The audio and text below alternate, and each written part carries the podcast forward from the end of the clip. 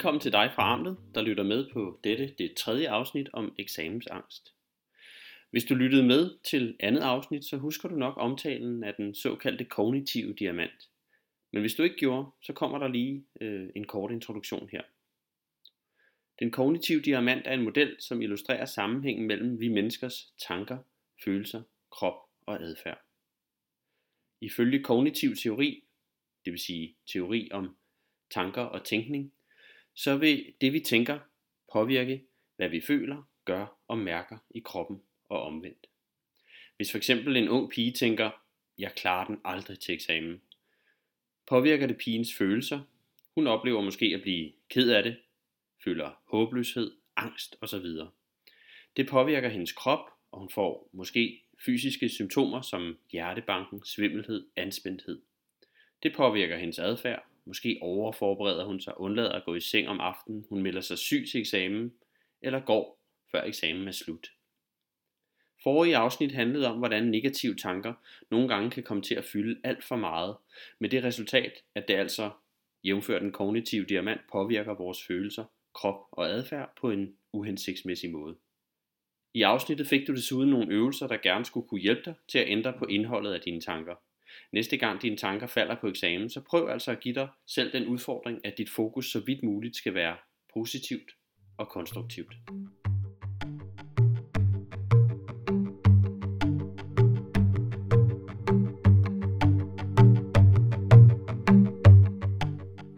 Dette tredje afsnit handler om den del af den kognitive diamant, der vedrører kroppen som du altså nu gerne skulle være bevidst om, er vores sind og krop ikke to adskilte elementer. Kroppen spiller en stor rolle under angst, og derfor kan det være en god idé at kende til metoder, hvor du arbejder med kroppen for at skabe en beroligende effekt. Når vi er ængstlige, ændres vores vejrtrækning ofte. Åndedrættets funktion er at tilføre ild til kroppen. For hvert åndedrag vi tager, passerer der cirka en halv liter luft ind og ud af lungerne. Den ilt vi indånder, bliver ført via vores luftveje ned i lungerne, og her bliver ilten optaget i blodet og ført rundt i kroppen ud til cellerne. I cellerne bliver ilten brugt til at danne energi, og ved denne proces skabes der kuldioxid, som vi efterfølgende udånder. Åndedrættet er styret af det, der hedder det autonome nervesystem, og foregår af sig selv og reguleres automatisk til de situationer, hvor kroppen har brug for ekstra ilt. Når vi løber, har ondt, er syge eller er bange, trækker vi automatisk vejret hurtigere, og når vi, har, når vi er i ro og har det godt, er åndedrættet roligt og afslappet. Du behøver egentlig bare at ofre nogle få tanker på f.eks. en forestående eksamen, og så vil du nok lægge mærke til, at dit åndedræt ændrer sig en lille smule. Måske trækker du vejret hurtigere og ikke så dybt, eller du trækker vejret mere uregelmæssigt. Nogle af jer vil opleve, at I ligefrem hyperventilerer, når I får angst, mens andre igen har en tendens til at holde vejret. Begge dele kan være meget ubehagelige og sender besked til hjernen om, at der er fare på færre, og dermed øges angsten. Det kan derfor være en rigtig god idé at øve sig i at få ro på åndedrættet.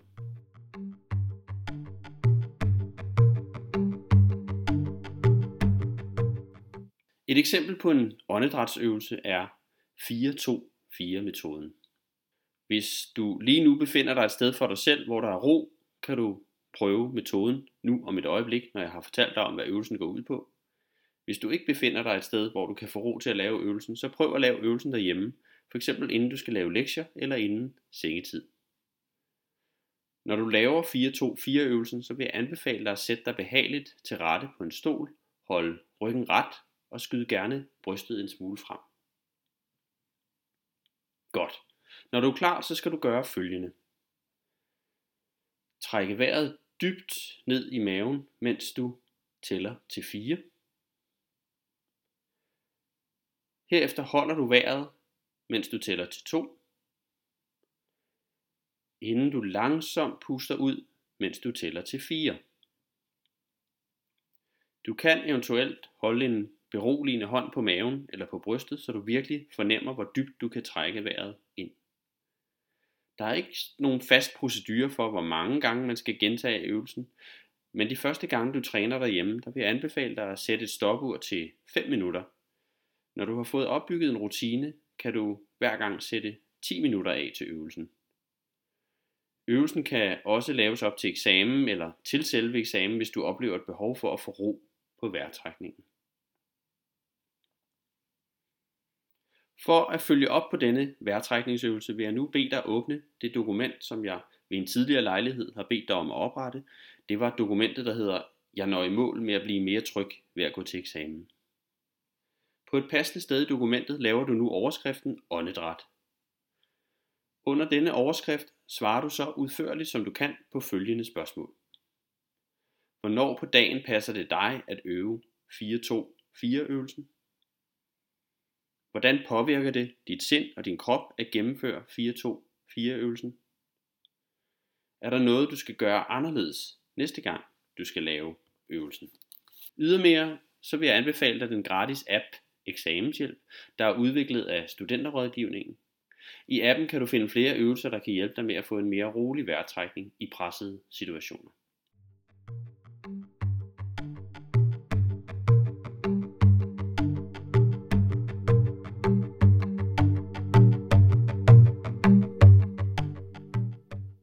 At træne din vejrtrækning, så vil det også være en rigtig god idé at være opmærksom på, hvordan du træner dig selv til at slappe af i kroppens muskler i forbindelse med eksamensangst. Du kender nok godt til fornemmelsen af at være helt spændt i kroppen, når du er stresset.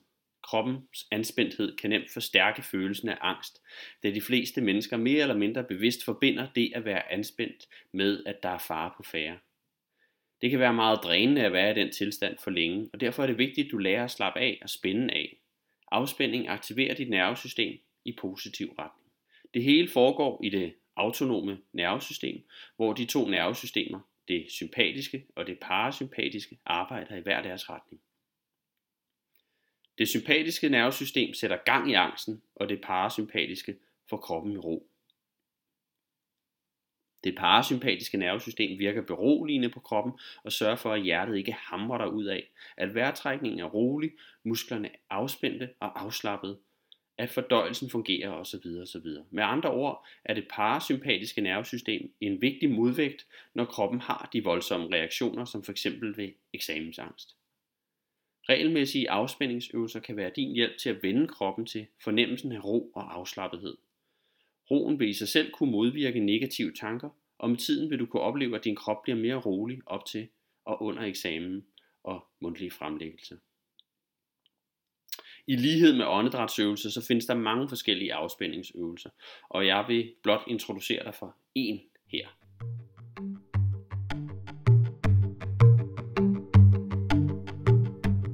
Sæt dig gerne i en behagelig stol eller læg dig på en madras. Tag et par dybe vejrtrækninger og prøv at skubbe alle andre tanker til side for et øjeblik. Øvelsen handler om, at du på skift spænder op i forskellige dele af kroppen, hvilket medvirker til, at det bliver nemmere at slappe af i resten af kroppen efterfølgende. Undervejs skal du trække vejret ind gennem næsen, når du spænder op, og puste luft ud gennem munden, når du igen slipper spændingen i musklerne. Øvelsen begynder med, at du krydser armene over brystet, så albuerne peger nedad. Knyt samtidig hænderne. Hold spændingen i 20 sekunder, hvorefter du slapper af i 20 sekunder. Og herefter kan du lave øvelsen på andre dele af kroppen. Ryggen. Spænd alle dine muskler op langs ryggraden. Hold spændingen i 20 sekunder og slap så af i 20 sekunder. Husk at have fokus på vejrtrækningen. Ballerne. Klem begge dine lår sammen og spænd dit bækken og dine baller. Mærk spændingen og slap så af. Benene. Spænd op i lægmusklerne. Hold spændingen i 20 sekunder og slap så af i 20 sekunder. Der er ikke nogen regler for, hvor mange gange man skal gentage øvelserne, eller hvilke muskelgrupper og i hvilken rækkefølge man henholdsvis spænder og slapper af. Men jeg vil anbefale dig, at du starter med at sætte et stopur til 5 minutter, eventuelt 10 minutter. Og gør dig gerne øh, nogle tanker på forhånd om, hvilke muskelgrupper du vil arbejde med. Du kan lave afspændingsøvelserne, når det passer dig, men det kan være en god idé at lave dem øh, inden du lægger dig til at sove, hvis du har svært ved at falde i søvn. Du kan også lave øvelsen lige inden du skal til eksamen. For nu at følge op på denne afspændingsøvelse, så vil jeg igen bede dig at åbne dokumentet. Jeg når i mål med at blive mere tryg ved at gå til eksamen. På et passende sted i dokumentet laver du nu overskriften afspændingsøvelse. Under denne overskrift svarer du så udførligt som du kan på følgende spørgsmål. Hvornår på dagen passer det mig at træne afspændingsøvelser? Hvordan påvirker det mit sind og min krop at gennemføre afspændingsøvelser? Er der noget, jeg skal gøre anderledes næste gang, jeg skal lave øvelsen? Igen vil jeg anbefale dig den gratis app Eksamenshjælp, der er udviklet af studenterrådgivningen. I appen kan du finde mere inspiration til, hvordan du kan øve dig i at spænde op og slappe af i kroppen.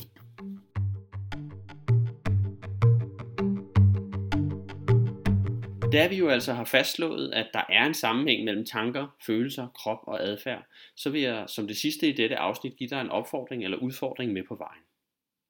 Fra nu af og frem mod eksamenerne, der skal du prøve at øge din bevidsthed om, hvad du udstråler med dit kropssprog. Som mennesker signalerer vi utrolig meget gennem vores kropssprog. Når vi, når vi befinder os i situationer, som vækker ubehag øh, og angst, har vi en tendens til ubevidst at fremstå med et beskyttende kropssprog.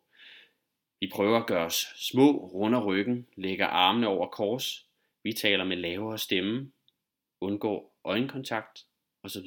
Kan du genkende det?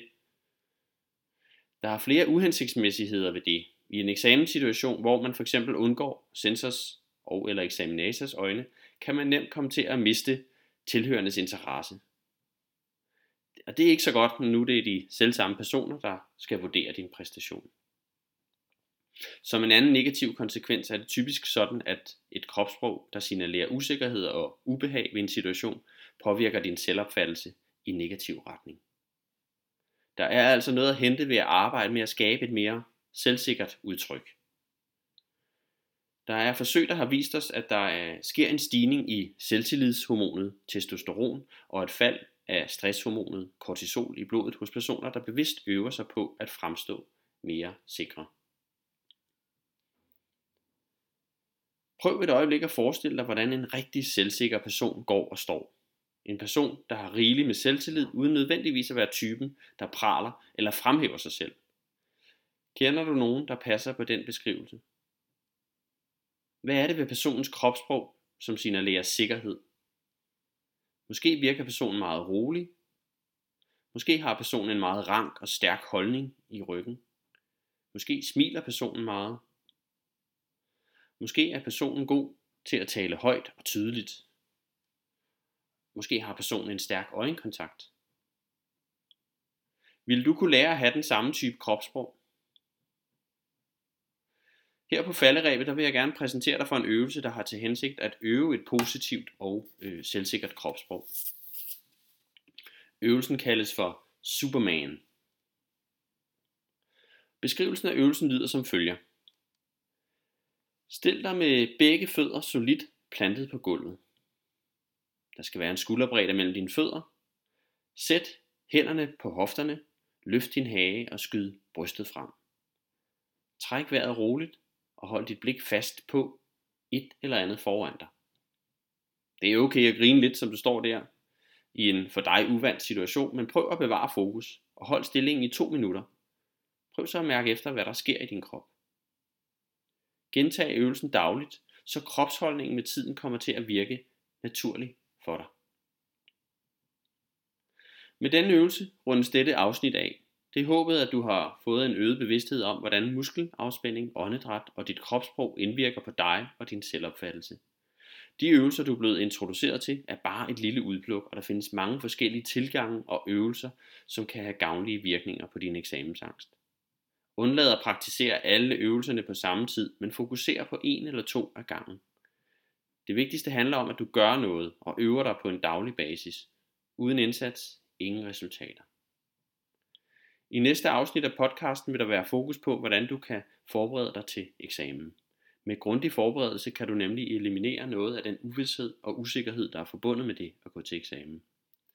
Usikkerhed og uvidshed kan medvirke til at skabe negative tanker, der fører til følelser som magtesløshed og angst. Mere om dette i næste afsnit. Tak fordi du lyttede med.